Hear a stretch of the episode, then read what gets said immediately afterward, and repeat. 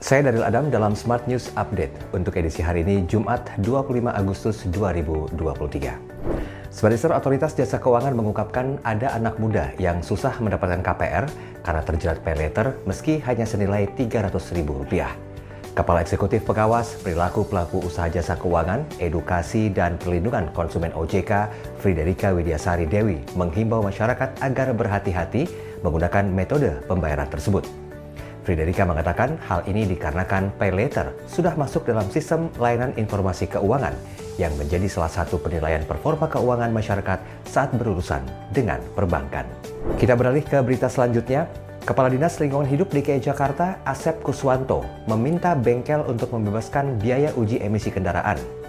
Asep mengatakan pihaknya telah bertemu dengan para pemilik bengkel untuk membahas sekaligus bernegosiasi agar menggratiskan layanan uji emisi kendaraan. Menurutnya, sekitar 500 bengkel telah terintegrasi dengan aplikasi Jakarta Kini atau Jaki, sehingga warga DKI bisa mengetahui lokasi bengkel yang melayani uji emisi kendaraan.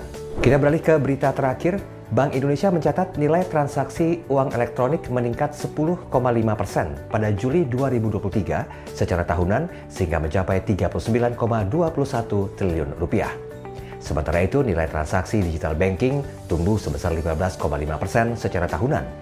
Gubernur BI Peri Warjio mengatakan nominal transaksi KRIS terus menunjukkan pertumbuhan 8,45 persen dengan jumlah pengguna mencapai 38,24 juta.